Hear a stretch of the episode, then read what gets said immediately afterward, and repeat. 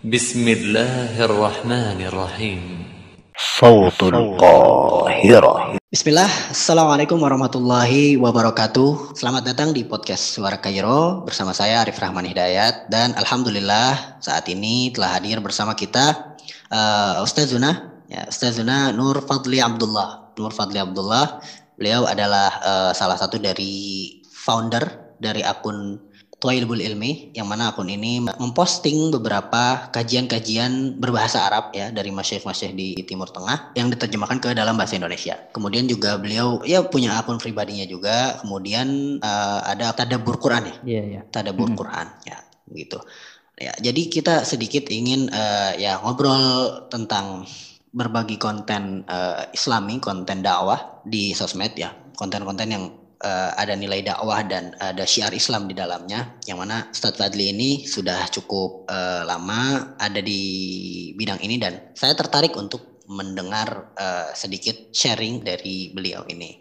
Bismillahirrahmanirrahim. Assalamualaikum warahmatullahi wabarakatuh. Alhamdulillah ala ihsanihi wa syukru lahu ala taufiqihi wa amtinanih. Wa asyhadu an la ilaha illallah wahdahu la syarika lah. Li wa asyhadu anna Muhammadan abduhu wa rasuluhu ad-da'i ila ridwanih. Sallallahu alaihi wa ala alihi wa ashabihi wa awanih. Wa sallama tasliman katsira. Amma ba'd, eh, ini sebetulnya dikatakan pantas atau tidaknya anak kurang pantas lah untuk meng- mengungkapkan tentang masalah sepak terjang dakwah ya. Apalagi untuk masalah dakwah kan sudah banyak asatidah kita yang lebih dahulu atau lebih mengungguli dalam perkara dakwah ini. Dan adapun kita sebagai seorang penuntut ilmu itu hanya sekedar menukil atau menyambung kembali apa yang telah disampaikan oleh masyayikh guru-guru kita. Terkait dengan eh, akun media dakwah ya yang ana pegang di antaranya itu ada akun Tuailibul Ilmi, kemudian akun Tadabur Quran. Nah, adapun akun Tuailibul Ilmi sebenarnya ini akun pribadi awalnya. Ini awalnya akun pribadi. Akun pribadi ana udah semenjak tahun 2015, 2015. Itu awalnya. Dan kemudian karena melihat banyaknya peminat ya, terlebih bagi teman-teman yang ada di Indonesia yang mana mereka ini apa namanya haus akan ilmu ya, masya Allah. Ya haus akan ilmu. Dan ketika itu sebenarnya ketika kita membuat akun tersebut ya yang mana kita menterjemah eh, kajian atau video-video pendek dari masyayikh ya guru-guru kita yang ada di Timur Tengah itu awalnya sebenarnya anak tujuannya itu untuk mengenalkan kepada teman-teman yang ada di Indonesia ini loh guru kita yang ada di Indonesia gitu loh. Maksudnya guru-guru asatidah kita ya. Semisal kayak Syekh Soleh Fauzan kemudian Syekh Sulaiman Ar-Ruhaili. Kan karena kebanyakan dari teman-teman itu belum mengetahui gu- siapa gurunya gitu loh. Ya siapa guru dari asatidah kita gitu kan. Kayak Syekh, eh, Syekh Abdul Razak bin Abdul Muhsin dan yang lain sebagainya. Nah itu awalnya dan lama kelamaan ternyata banyak yang mengambil faidah ternyata dari terjemahan tersebut banyak yang bisa memahami nah dari situ baru kami mengembangkan akun tersebut yang awalnya akun eh, akun pribadi menjadi akun media yang mana di situ juga ada timnya. Nah, itu awal mula apa namanya akun tersebut terbentuk ya. Jadi awalnya itu adalah akun pribadi, kemudian dijadikan akun media dakwah. Dan ada pun sepak terjang yang sebagainya itu insya Allah apa namanya itu sembari waktu. Ya sembari waktu. Karena jujur kami pun nggak apa ya nggak terlalu terobsesi tentang masalah followers ya. Maksudnya pengikut dan sebagainya. Karena sekali lagi bahwa ini ilmu ya siapa pun bisa mengambilnya. Maksudnya siapa saja bisa menyimaknya ya. Terlebih lagi apa namanya eh, ilmu ini adalah ilmu agama gitu kan. Tidak ada yang namanya mempatenkan. Maksudnya gimana ya? Eh, jadi ilmu itu harus di- bisa didapat kecuali dengan fulus misalkan dan lain sebagainya. Dan ini suatu hal yang keliru gitu kan. Karena ini adalah ilmu agama dan siapa pun bisa mendengarkannya. Nah terlebih lagi Allah Subhanahu wa taala telah membukakan kita pintu-pintu kebaikan. Ya contohnya di antaranya al-ijtima al-tawassul yaitu eh, media-media sosial. Yang mana dengan media-media sosial ini banyak orang yang awalnya tidak tahu menjadi tahu. Dan sekali lagi media sosial ini bagaikan eh, pisau yang bermata dua. Maksudnya gimana? Bisa orang itu menggunakan media sosial dalam rangka kebaikan, bisa juga menggiring dia dalam hal keburukan. Nah, yang awalnya dia tidak tahu suatu kebaikan dia menjadi tahu dan yang awalnya dia tidak tahu suatu keburukan ia jadi tahu dan ini hal yang sangat apa namanya? sangat riskan bagi kita. Bagi kita yang menggunakan media sosial ini. Nah, agar meminimalisir itu, maka kita membuat media ini ya agar apa namanya eh, teman-teman uh, yang ada di Indonesia juga bisa mengambil faedah. Ya walaupun itu video-video pendek seperti satu menit, dua menit, yang sebagainya dan semoga itu semoga apa namanya bisa mendapat apa mendapatkan faedah dari video-video tersebut. Nah itu untuk yang tadabur ilmi dan adapun yang tadabur Qurannya sebagaimana antum apa namanya sebutkan tadi apa namanya terkait apa uh, mungkin dianggap seperti apa ya? Kok ini orang show off banget gitu, ya kan? Hmm. Mungkin seperti itu. Sebagian ya. sebagian orang ada yang berasumsi seperti itu. Dan sekali lagi, memang hal itu kita hindari, hmm. ya kita hindari. Dan yang paling utama tentu itu kembali kepada niat. Dan kita pun dalam bermedia sosial itu kita ketahui bahwa semua amalan, semua apa pun yang kita lakukan di media sosial itu tergantung niatnya gitu. Ya, sebagaimana Rasulullah Shallallahu alaihi wasallam bersabda kan innamal amalu niat. Setiap amalan tergantung pada niatnya. Wa innamal likulli imri'in manawa. Dan setiap uh, seseorang itu akan mendapatkan apa yang sesuai dengan ia niatkan. Nah, dan dalam hal kayak membaca ayat-ayat Al-Qur'an, kayak potongan-potongan ayat dan sebagainya, dan itu adalah suatu perkara yang sangat riskan, ya kan? suatu hal yang sangat riskan bagi kita dan itu kembali lagi kepada niat itu lagi kembali lagi kepada kepada niat yang senantiasa kita islah senantiasa kita perbaiki kalau misalkan dikatakan ada yang mengatakan apa namanya hati-hati ria dan lain sebagainya maka sekali lagi ada suatu nasihat atau suatu ucapan dari Syekh Muhammad bin Saleh Al Utsaimin rahimahullah taala ini ana mencari gitu loh ya kan ketika itu beliau pernah ditanya apakah orang yang membaca tilawah Al-Quran dengan memperbagus bacaannya itu dianggap ria? Nah ini unik kan? Ini kepada karena kadang kan sebagian kita, nih ada orang yang membaca Al-Quran dengan indah dan sebagainya langsung diponis apa? Ria, sum'ah dan yang sebagainya, ya kan? Tapi kenapa giliran ketika orang yang menyanyikan lagu, kenapa enggak dikatakan seperti itu gitu kan? Kan tidak tidak adil kalau misalkan apa namanya penilaiannya seperti itu. Nah, kemudian ketika itu Syekh Muhammad bin Shalih Al Utsaimin rahimahullah taala beliau menjawab bahwa hal tersebut tidaklah dianggap ria. Tidak dianggap ria ataupun sum'ah. Kenapa? Ada dalilnya, ya. Dalilnya adalah sebagaimana sahabat Abu Musa Al-Asy'ari radhiyallahu anhu. Yang mana tatkala tatkala itu kita ketahui bahwa Abu Musa Al-Asy'ari adalah salah satu sahabat yang bacaannya itu paling indah. Bacanya paling paling indah. Yang mana Rasulullah itu sangat suka ketika mendengar bacanya Abu Musa al-Asy'ari ini. Nah, ketika suatu malam Abu Musa al-Asy'ari radhiyallahu anhu itu membaca Al-Qur'an dan Rasulullah wasallam mendengar bacaannya. Nah, Abu Musa al-Asy'ari di sini dalam keadaan tidak mengetahui bahwa Rasulullah itu mendengarkan bacaannya dia gitu loh. Nah, kemudian keesokan harinya, kemudian Abu Musa al-Asy'ari tahu bahwa Rasulullah Shallallahu alaihi wasallam mendengarkan bacaannya Kemudian apa kata Abu Musa al-Asy'ari radhiyallahu anhu? Sekiranya aku tahu engkau wahai Rasulullah mendengarkan bacaanku, sungguh aku benar-benar akan memperbagus lagi bacaanku. Allahu Akbar. Apakah Rasulullah langsung memfonis Abu Musa al-Asy'ari sum'ah? Enggak. Ya. Enggak dan ini kembali lagi kepada niat dan tentunya para sahabat kita tahu bahwa hati mereka bersih ya. Bahkan uh, Allah Subhanahu wa taala telah apa namanya meridhoi mereka gitu. Ya, dan adapun kita yang manusia biasa terus memperbaiki yang namanya niat.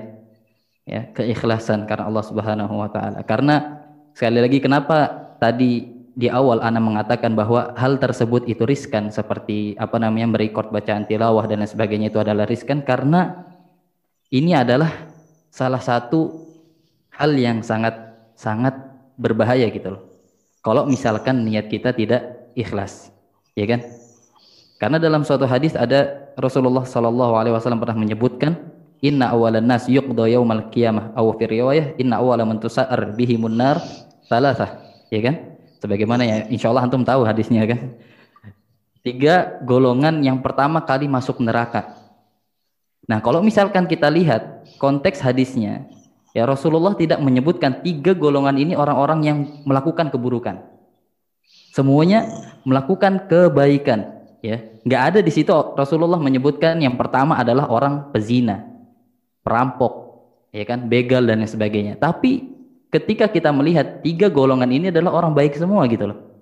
Ya kan? Yang pertama, di antaranya adalah yaitu tadi seorang alim wa qari'ul Quran.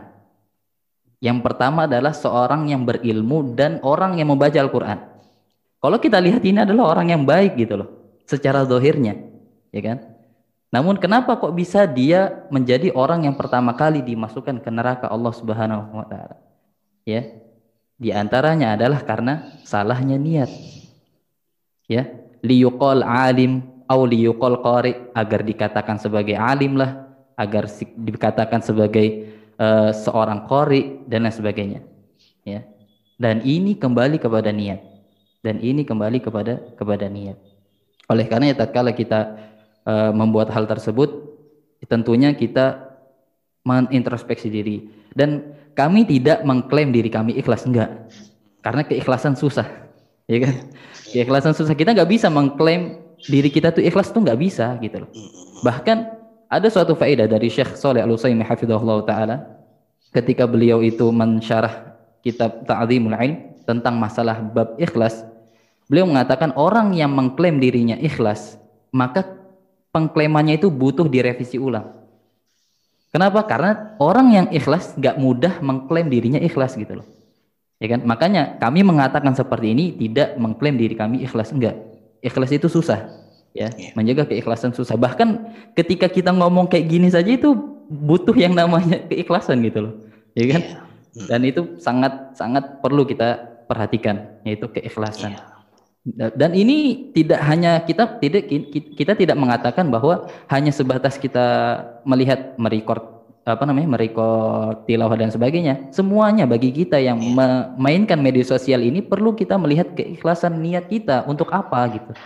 Ya tidak hanya orang yang men-share apa namanya uh, terjemahan masyayikh men, apa namanya men-share video-video asal Islam dan Islami semuanya. Islami. Iya benar. Ya semuanya. gitu loh orang yang menyaksikannya pun itu perlu niat gitu untuk apa saya menyaksikan ini gitu ya kan Nah, itu perlu diperhatikan. Itu apa namanya? yaitu niat. Ketika kita ingin men-share suatu hal yang menurut apa namanya menurut kita bermanfaat, maka kita perhatikan niat. Itu yang pertama. Ya kan? Nah, kemudian apa namanya? setelah kita apa namanya memperhatikan niat kita, ternyata nih, ternyata niat yang baik pun itu tidak cukup gitu kan. Benar gak sih? Iya kan? Ya, betul, betul. Niat yang apa namanya? Niat yang benar pun itu tidak cukup gitu. Nah, ini terkadang kebanyakan uh, kesalahan ya. Sebagian teman-teman yang mungkin apa namanya sudah memegang media-media dakwah dan sebagainya yang niatnya maksudnya itu baik, tapi ternyata caranya salah. Dan ini banyak sekali dialami oleh sebagian teman-teman ya. Dan ini adalah hal yang apa ya yang cukup rame dibincangkan gitu ya. Sangat rame dibincangkan ya. Jadi niat niat baik itu tidak cukup. Jadi perlu adanya strategi ya kan? Perlu adanya strategi. Ketika kita niatnya ikhlas iya kita niatnya ikhlas. Tapi ketika kita menyampaikannya itu tidak sesuai maka hal tersebut akan merusak bukan malah memperbaiki gitu loh contoh misalkan niatnya baik membantah Ustadz Fulan katakan. Tapi membenturkan antara Ustadz satu dengan Ustadz yang lainnya. Ya kan? Niatnya baik, ingin apa? Ingin membantah statement Ustadz yang pemahamannya salah misalkan kan. Tapi di situ dibenturkan, bukan apa? Bukan men-share bantahan Ustadz tersebut aja. Itu Ustadz yang membantah pemahaman itu aja, tapi disandingkan gitu loh. Dan ini adalah salah satu hal yang sangat apa namanya berbahaya gitu. Sehingga orang-orang awam menilai kok yang katanya yang katanya salafi, yang katanya bermakna salaf kok seperti ini gitu loh cara menyampaikannya. Dan ini sekali lagi bukan salah ustadznya sebenarnya gitu loh. Ini sebenarnya hanya oknum aja gitu loh.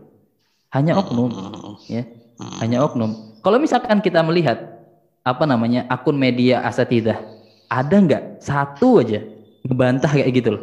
Tandingin nggak ada, nggak ada gitu loh. Nah, asatidah kita aja nggak ada yang kayak gitu. Nah, kenapa kitanya kok ngelakuin gitu loh? Kan kalau misalkan asatidah tidak melakukan, oh berarti ini tidak benar gitu loh. Caranya nggak benar. Kenapa kita malah membuat hal-hal seperti itu gitu kan? Nah, ini juga sebenarnya waktu itu banyak teman-teman yang menanyakan ke ke kami gitu loh. Ente kok setiap ada hal yang viral nggak ikut nimbrung sih? Nah ini, Ah, ini iya, iya. pertanyaan juga ini sih.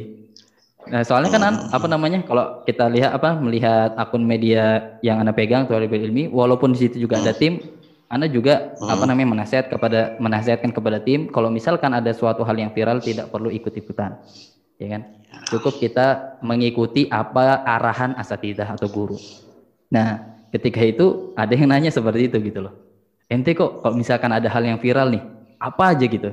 Misalkan yang berhubung apalagi berhubungan dengan seseorang, individu. Kok ente nggak ikutan gitu?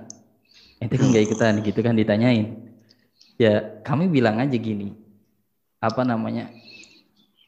Kita seorang penuntut ilmu kan itu dilatih untuk memiliki sifat al-hilm kan. Sifat lembut sama sifat yang tidak suka tergesa-gesa. Ya kan? Tidak suka tergesa-gesa. Nah, apalagi ini hubungannya dengan individu seseorang ya kan? Ya enggak sih? Ya kan? Apa namanya berhubungan dengan individu seseorang misalkan. Nah, kalau misalkan kita up, eh ternyata itu salah. Kita nggak tabayun iya. dulu, kita nggak mencari faktanya, ya kan? Nah, kalau kita share gitu, gimana coba? Bayangkan kalau misalkan ada akun dakwah yang men-share hal tersebut, yang followersnya sudah banyak, dan itu orang yang melihat termakan opininya kan, termakan apa yang di di share gitu, sehingga apa? Sehingga ada buah bibir yang tidak baik di situ.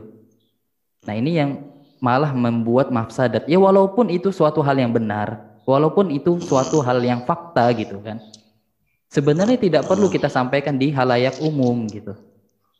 Apalagi eh, mad'u kita itu kebanyakan orang awam, Hmm. ya kan? Orang-orang awam, bukan orang-orang orang-orang yang dikatakan udah ngaji gitu. Banyak juga orang awam. Kalau misalkan seandainya kita menyampaikan sama orang yang ngaji misalkan, ya insya Allah mereka paham. Tapi kalau orang awam, pasti pers- apa eh, pandangan sudut pandangan mereka itu berbeda gitu. Pasti pandangan mereka kenapa? Apa? Ini kok kayak gini gitu. Iya kan? Bukan malah oh ini kayak gini gini apa namanya? Orang-orang ini orang ini kayak gini kayak gini. Enggak. Pasti yang diserang adalah ini orang kenapa kok men-share seperti ini seperti ini gitu. Apalagi individual, Iya. ya kan? Hmm. Ya kan? Apalagi Ya, eh, ya, Masya Allah. Pernah berfi- berfirman kan ya ayyuhalladzina amanu in ja'akum fasikum binaba'in fatabayyanu ya kan? Apabila ada Bayanu. orang fasik fatabayyanu maka cari kejelasan gitu. Nggak hanya sebatas kila wakol kan? Kata si fulan kayak gini kata si fulan nggak bisa nggak bisa. Hmm. dan ini Ya, yang ya, ya, apa namanya banyak banyak di perlu di apa namanya perlu diperbaiki gitu. Dan ini suatu hal yang sangat apa namanya terkadang anak pribadi pun kalau misalkan ada info gitu kadang ada laporan gitu sama tim ini ada kayak gini kayak gini. Tuh ketika kami pribadi mendengar tuh rasanya gimana ya? Hati tuh rasanya gimana ya? Langsung rasanya Iya, gimana gitu? Ya kan? Ah, ah, ah, iya, iya. aduh ini malah membuat kacau dakwah Waduh. gitu. Iya, iya, iya, iya. itu yang kita rasakan Iya. gitu. Apalagi asatidah Allah, kita ya kan? Guru-guru kita ini yang udah ngebangun apa namanya dakwah salaf bisa berkembang gitu. Eh ternyata dikarenakan beberapa oknum ya kan eh malah apa namanya mencemarkan nama baik dakwah. Dan ini suatu hal yang keliru. Maka oleh karenanya bagi teman-teman yang memiliki akun dakwah lebih baik apa namanya pelajari dulu terlebih dahulu yang namanya fiqhud dakwah. Fikih berdakwah itu bagaimana? Itu perlu dipelajari. Karena kadang kita itu semangat berdakwah tanpa dilandasi ilmu fikih dakwah. Walaupun dia memiliki ilmunya ya kita katakan dia memiliki ilmu fikih, ilmu akidah dan sebagainya. Tapi fik- fikih dakwah ini penting ketika kita terjun ke masyarakat gitu, Pak. Iya, Ya kan? Bahkan Mhm. Mu'ad bin Jabal radhiyallahu anhu ketika beliau ingin diutus oleh Rasulullah ke Yaman untuk berdakwah. Rasulullah ngajarin beliau fikih dakwah gitu loh. Ya, kan? Masya Allah. Innakum sata'tuna min ahlil kitab. Engkau akan bertemu dengan ahli kitab Yahudi dan Nasoro. Kemudian Rasulullah mengatakan, yang pertama kali kalian a- engkau dakwahkan kepada mereka adalah dakwah tauhid. Ini termasuk fikih dakwah bahwa sahabat pun belajar gitu loh fikih dakwah, apalagi kita gitu kan. Jadi semangat berdakwah saja itu tidak cukup gitu loh. Bagi kita yang mungkin ya yang jago editing dan sebagainya itu tidak cukup ya, tidak cukup. Sebagus apa pun poster yang antum buat tanpa adanya ilmu ini itu sangat berbahaya gitu loh. Apalagi membenturkan satu sama lain ya. Itu sangat sangat sangat berbahaya. Ya, lebih baik kita sampaikan fokus dengan ilmu. Udah. Ya, jangan kita sebutkan oh, apa individual orang ya. Ya, Dan ya, ini Allah. yang apa namanya yang apa ya pengalaman pas waktu anak di Mesir sih anak anak melihat teman-teman yang orang Mesir asli gitu kan yang salafiyin Hmm. gimana mereka tuh sibuk bener-bener ilmu udah tok ilmu bener mereka nggak menyibukkan diri dengan perbedaan apa namanya antara syekh ini dan syekh ini walaupun di situ sebenarnya ada gitu tapi mereka nggak Iya. nggak ada gitu loh membincangkan Tidak hal sibuk dalam tersebut kegaduhan. Nah bener, itu nggak ada sama sekali. Itu aneh, aneh lihat, wah masya Allah banget. Ini yang perlu dicontoh gitu loh. Ini ibarat kalau kita katakan the real lah, the realnya penuntut ilmu gitu loh. Nggak menyibukkan hal-hal yang kayak gitu gitu. Hal-hal yang yang viral. Makanya Syekh Bakar bin Abdullah Abu Zaid dalam kitabnya Hilyah kan di antara hal yang perlu dijauhi oleh penuntut ilmu kan tobuliyat gitu loh. Suatu perkara perkataan atau perbuatan yang viral gitu. Nah ini perlu di- sebenarnya yang kita jauhi sebenarnya bukan malah kita terjun di situ gitu. Kan ini kebanyakan kita malah ikut ikut nimbrung lah dan sebagainya. Pengen denger aja sebenarnya kita harus jauhin gitu loh. Kalau bisa tuh jangan sampai kita kelihatan gitu. Ya. Hmm. Dan itu makanya kadang Ana tuh kayak misalkan ada hal-hal yang viral tuh Ana nggak tahu sendirinya jadi ada laporan gitu dari teman-teman. Ini ada kayak gini-gini gini. Waduh, jadi tahu kan. Se- sebenarnya sebenarnya pengennya nggak tahu gitu. Cuman ya kalau kulihal ya kayak gitu. Makanya ya kami sarankan bagi teman-teman yang apa namanya memegang akun dakwah ya fokus saja ke kepada ilmu. Itu sih apa namanya yang anak pengen sampaikan sebenarnya gitu loh. Cuman ya gitu kan namanya juga kalau misalkan kita sampaikan tuh kadang apa namanya orang menganggap wah ini kayak gini kayak gini gitu kan. Iya, iya. Nah, lebih baik ya udah lebih baik kita sampaikan di sini agar sifatnya umum, ya kan? Kita tidak Iya, meng- apa namanya tidak menembakkan akun dakwah ini dan itu enggak. Kita mengatakan akun dakwah itu alhamdulillah karena adanya juga berkat apa? Tentunya taufik dari Allah dari perantara akun-akun dakwah kan asatidah yang Iya. lainnya itu bisa di- dikenal gitu kan. Dan alhamdulillah ini suatu kebaikan, suatu kebaikan. Hmm. Namun yang kita perkat, yang kita permasalahkan adalah sebagian seg- atau segelintir ya segelintir oknum saja gitu kan yang menjadikan eh, apa namanya menjadikan dakwah ini tercemar gitu. Nah ini yang apa namanya yang perlu diperhatikan bersama gitu ketika kita membuat akun dakwah ya Hmm. yang da- tanda kutip akun dakwah gitu kan Ya, ya, dakwah ya, ya, dan dan sebagainya. Oh, Masya Allah ya. Eh, ini faedah luar biasa. Mungkin bisa dikategorikan ini termasuk anjuran untuk, eh, maksudnya dalam bentuk fikih bersosial media. Untuk teman-teman juga yang ingin tahu lebih dalam tuh bisa download e-booknya ya, eh, karangan Ustadz Firanda, Dr. Nah, Firanda Dirja Hafidhullah. Ya, itu juga panduan bagaimana bersosial media secara umum. Fikih, bagaimana seorang muslim secara umum itu bisa bersosial media dengan baik, dengan akhlak-akhlaknya. Karena ya tadi gitu. Bahkan bukan cuma akun dakwah yang harus memperhatikannya tapi secara umum. Tapi ya untuk akun dakwah tadi yang harus diperhatikan per- intinya ketika memang kita itu ingin eh, memposting sesuatu yang di dalamnya ada syiar Islam ya, ada sesuatu yang ingin kita bagikan itu perhatikan niatnya, kemudian perhatikan caranya, ya kan, kemudian akhlaknya dijaga, kemudian hindari hal-hal yang berbau eh, kegaduhan dan keributannya ya, eh, dan segala keviralan di media sosial. Apalagi kalau memang maksudnya hanya untuk menyerang atau menyudutkan, bukan untuk m- mungkin misalnya menyadarkan akan eh, sebuah kekeliruan gitu. Hmm. gitu kan karena ada mungkin beberapa hal yang memang uh, sesuatu yang terlalu gaduh juga dan uh, orang-orang itu abu-abu di situ ya ada beberapa mungkin asatid dan uh, tokoh yang memang ikut bersuara untuk menghilangkan ke abu-abuan itu dan itu hmm. uh, itu baik ya tapi kalau memang hanya untuk menambah pembicaraan yang uh, istilahnya menambah kegaduhan itu yang mungkin uh, kurang baik dan harus sangat-sangat harus dihindari memang dan ya ya itu hal-hal yang harus diperhatikan hal-hal yang harus dipersiapkan uh, sebelum kita istilahnya bukan cuma jadi akun dakwah tapi menjadi orang yang bersosial media dan di dalam bersosial media kita mungkin sesekali atau secara intensif mm, memposting atau membagikan konten-konten yang ada syiar Islam dan dakwah di dalamnya. Hmm. Begitu ya kurang lebih.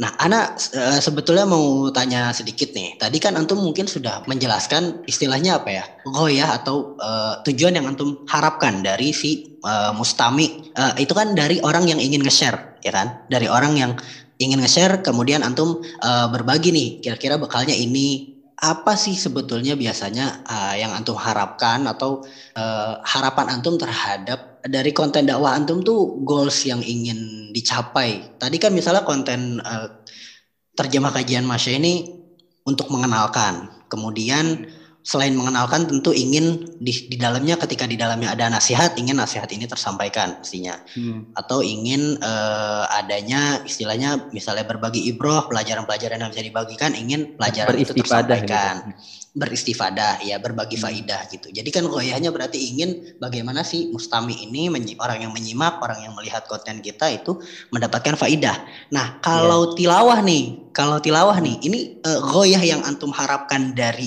uh, orang yang menyimak tilawah antum nih gimana gitu apa hmm. yang yang yang yang kira-kira tuh eh, sekiranya tuh bisa berbuah kebaikan untuk antum dan memang itu yang yeah. jadi tujuan antum itu yang dari di dasar hmm. antum karena ini yang yang harus kita juga persiapkan nih terutama iya. khusus yeah. spesifik yang misalnya berdakwah lewat tilawah nih apakah nilai dakwah itu apakah emang untuk taklim kah atau untuk apa ya itu hmm. uh, mungkin bisa di uh, sharing coba Pak foto Yeah, yeah. Yang pertama kan itu kita mengambil dari firman Allah Subhanahu wa taala dalam surah Al-Anfal ayat 2 kan. Innamal mu'minuna alladzina idza dzukirallah wajadat qulubuhum wa idza tuliyat 'alaihim ayatuhu zadatuhum imana. Sesungguhnya di antara profil orang yang beriman ketika disebutkan nama Allah, hati mereka itu bergetar. Wa idza tuliyat 'alaihim ayatuhu zadatuhum imana. Dan apabila dibacakan ayat-ayat Allah, maka keimanan mereka itu bertambah. Ini di antara profil orang yang beriman. Nah, kemudian di antaranya juga Allah Subhanahu wa taala berfirman, "Wa idza quri'al Qur'anu fastami'u lah wa ansitu la'allakum turhamun." Dan apabila dibacakan ya, wa idza quri'al quri'a alaikum apa? Wa idza quri'a Qur'ana fastami'u lah. Apabila dibacakan Al-Qur'an maka dengarkanlah. Wa ansitu la'allakum turhamun dan diam agar kalian mendapatkan rahmat Allah Subhanahu wa taala. Dan inilah goals kenapa kita men-share tilawah-tilawah potongan ayat. La'allakum turhamun agar dirahmati, agar mendapatkan rahmat Allah Subhanahu wa taala. Jadi kita itu tidak hanya sebatas kita membaca buat diri kita sendiri, tapi apa? Tapi kita juga memperdengarkan orang lain. Agar apa? Itu tadi, mengamalkan firman Allah Subhanahu wa taala, "Wa idza quri'al Qur'anu fastami'u lahu wa ansitu la'allakum turhamun." Ya. Kemudian dalam firman Allah Subhanahu wa taala dalam surah Al-Anfal tadi, wa idza tuliyat 'alaihim ayatuhu zadatuhum imana. Dan apabila dibacakan ayat-ayat Allah, maka bertambahlah keimanan. Dan inilah goalsnya gitu. Ini tujuan kenapa kami men-share video-video tilawah atau potongan-potongan ayat, yaitu agar mustami orang yang mendengarkan itu dirahmati oleh Allah Subhanahu wa taala, agar keimanan mereka bertambah lagi gitu. Ya. Dan adapun tentang masalah niat kita yang membaca itu kembali kepada kita dengan Allah Subhanahu wa taala. Kita senantiasa memperbaiki dan sebagainya. Adapun bisikan syaitan itu pasti ada. Itu pasti ada. Bohong kalau misalkan nggak ada, itu bohong. Itu pasti ada gitu kan.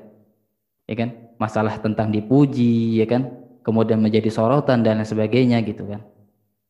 Kita saja yang padahal nggak show off, maksudnya tidak menampakkan diri saja, ya kan?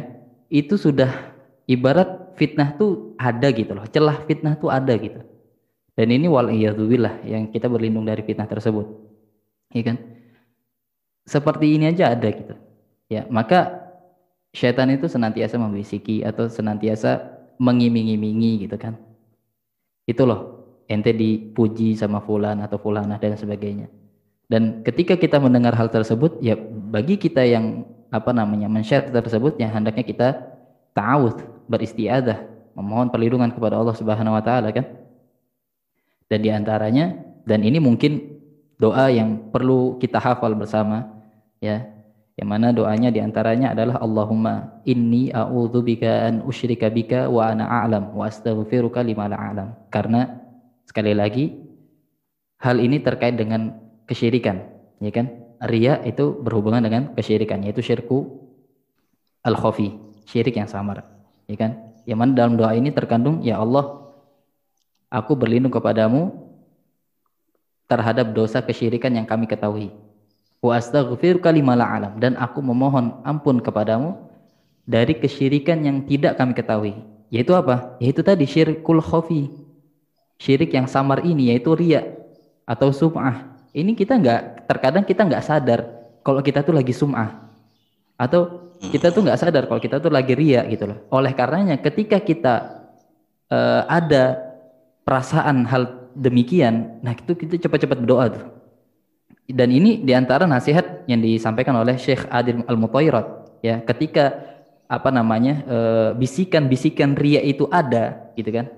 Cepat buru-buru untuk membaca ini Allahumma inni a'udzubika an usyrika bika wa ana alam wa astaghfiruka lima la alam dan ini perlu kita baca ya kan karena dari kita nggak bisa selamat yang namanya kesyirikan ya kan Gak ada yang bisa menjamin dirinya itu mati bertauhid gitu loh. Gak ada yang menjamin kalau kita tuh besok mati dalam keadaan muslim dan sebagainya gak ada. Maka kita apa? Senantiasa berdoa ya kan. Allahumma ya muqallibal qulub tabbit qalbi ala dinik. Ya kan?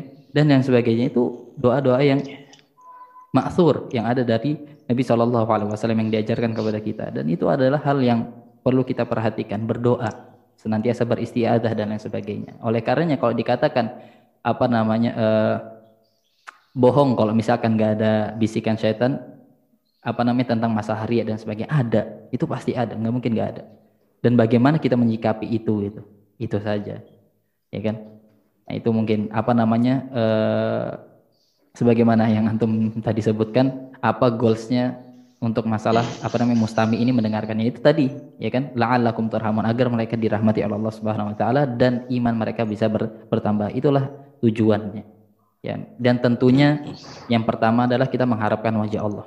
Kita mengharapkan wajah Allah. Sekarang setiap bacaan yang kita baca satu hurufnya kita mendapatkan 10 pahala. Dan itu yang perlu kita niatkan yang pertama kali ya kan sebelum kita men-share dan sebagainya niatkan bahwa apa yang kita baca ini bisa apa namanya menyentuh hati orang-orang yang mendengarkannya. Karena mendengarkan Al-Quran itu, yang mendengarkan Al-Quran itu nggak hanya orang Muslim gitu loh. Iya yeah, kan?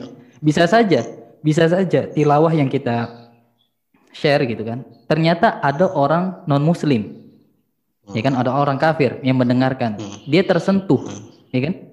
Lalu dia ingin lebih mengetahui akan Al-Quran, dia pelajari dan sebagainya Disebabkan apa? Tilawah.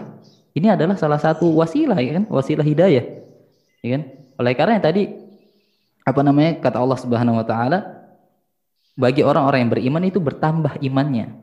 Bertambah imannya kalau misalkan mendengarkan bacaan Al-Qur'an. Enggak hanya sebatas kita baca sendiri enggak, tapi kita juga perlu mendengarkan bacaan orang lain gitu. Seperti itu. Allah Masya Allah, Masya Allah. Ya, ya, ya. Mungkin uh, bo boleh ditambahkan misalnya apakah goalsnya juga termasuk dari seperti nama akun yang antum cantumkan itu itu tadabur dengan ayat nah. dengan pesan-pesan yang ada dalam ayat yang antum baca. Nah, apakah tentunya. uh, maksudnya ya apa? Oh, tentunya. Ya, ya, ya, ya. Iya. Masya Allah. Ya. Kenapa? Atau oleh uh, karenanya? Hmm? Karena sebagian orang menganggap apa namanya uh, belajar tahsin dan sebagainya. Kalau tahsin, belajar hmm. tahsin dan sebagainya kan banyak tuh yang yang DM gitu kan. Hmm. Bukan hmm. kelas tahsin dan sebagainya. Kalau misalkan ingin kelas tahsin dan sebagainya itu kepada ahlinya.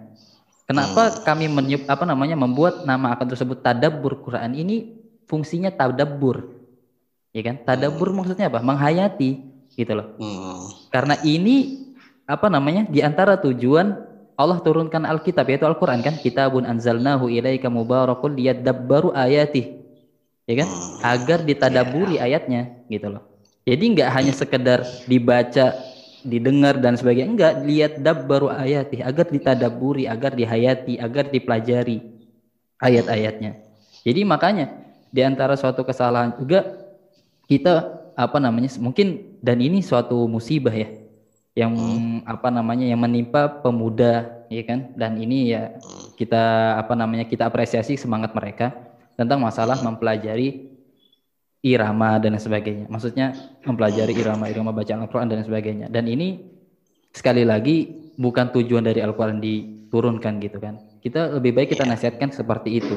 Ya, kalau misalkan seandainya kita sibuk hal tersebut gitu kan, sibuk tentang masalah irama ini dan sebagainya kita mempelajari hal tersebut sampai lupa kita mentadaburi atau tujuan dari Al-Qur'an yang diturunkan ini yang menjadi musibah, iya kan? Ini yang menjadi musibah yang seharusnya Al-Qur'an itu ditadaburi dan sebagainya tapi malah dijadikan apa indah-indahan dan sebagainya. Dan ini suatu kekeliruan juga gitu kan. Yang harus kita Hmm, iya, iya. perhatikan. Iya, iya, masya Allah, masya Allah. Iya, tapi berarti ya eh, ini kayak misalnya selain tujuan tadabur juga mungkin berarti ada di antara masyayikh atau di antara eh, orang-orang yang memang membaca Al-Quran dan mungkin rekaman Al-Qurannya dipublikasikan. mungkin sejak dulu ya sebelum adanya internet bisa jadi ada tujuan ta'lim juga di situ ya. Ada Iya. tujuan ta'lim yaitu eh, bagaimana ya ini bagaimana ayat ini dibaca, bagaimana ayat ini di eh, perdengarkan kepada orang dengan bacaan yang seperti ini loh, dengan bacaan yang seperti ini. Walaupun kembali lagi mungkin kapabilitas kita dalam keilmuan misalnya secara diroyah dalam tahsin, tajwid dan lain sebagainya mungkin berbeda-beda kan. Ya, Jadi mungkin kalau memang kita diminta untuk oh secara spesifik anak ngajar tahsin dan lain Nah. sebagainya, ya Nah. itu mungkin nggak beda-beda ya. Ada yang memang Ya, bersedia, ada yang memang bahkan bertujuan ke sana selain untuk tadabur tapi untuk Ya. juga ta'lim. Ada yang eh, ya mungkin Hmm. tidak merasa ya belum lah atau mungkin ya, Ya. tidak tidak tidak membidangi se- secara maksimal. Jadi eh, sebatas untuk tadabur saja misalnya. Mm-mm, mm-mm. Oh iya ya, masya Allah, masya Allah, masya Allah. Ya alhamdulillah anak cukup terbuka ya, cukup terbuka ini dengan dengan Iya. dengan banyaknya eh, sharing dengan antum ya, masya Allah. Mm.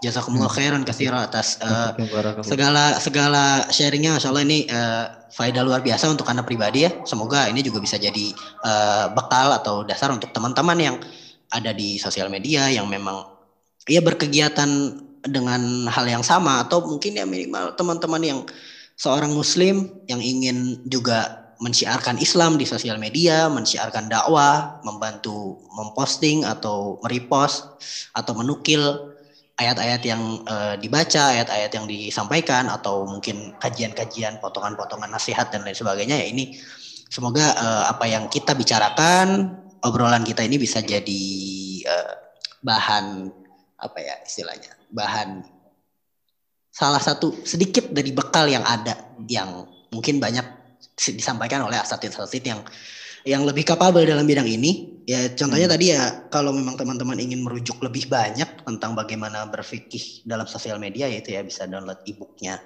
Ustadz Dr. Firanda Andir Jafidullah Ta'ala beliau Masya Allah eh, memaparkan dengan eh, cukup luar biasa ya tentang ada bermedsos ataupun juga mungkin bisa juga menyimak banyak eh, nasihat-nasihat asati tentang ya bagaimana media sosial ini. Ada juga kajian eh, dari Ustadz eh, Syafiq Basalamah juga beliau juga membahas tentang dosa-dosa terselubung di media sosial dan di internet. Nah, ini juga Wah, ini itu juga cukup. Ah, itu itu juga cukup bagus untuk dasar kita berinternet karena Iya. ya eh, kembali lagi ya ini ke- ke- kehidupan dunia maya itu layaknya kehidupan dunia nyata yang mana ketika memang ada dosa di situ, ada keburukan di situ ya iya dosanya tidak tidak jadi online ya gitu. Tetap dosanya Iya. dosa dosa yang terjadi pada kita, keburukan-keburukannya dampaknya bisa berdampak langsung pada eh, diri kita sebagai seorang muslim. Wallahu taala alam. Sekali lagi jazakumullah khairan atas sharingnya Ustaz. Jazakallah khair.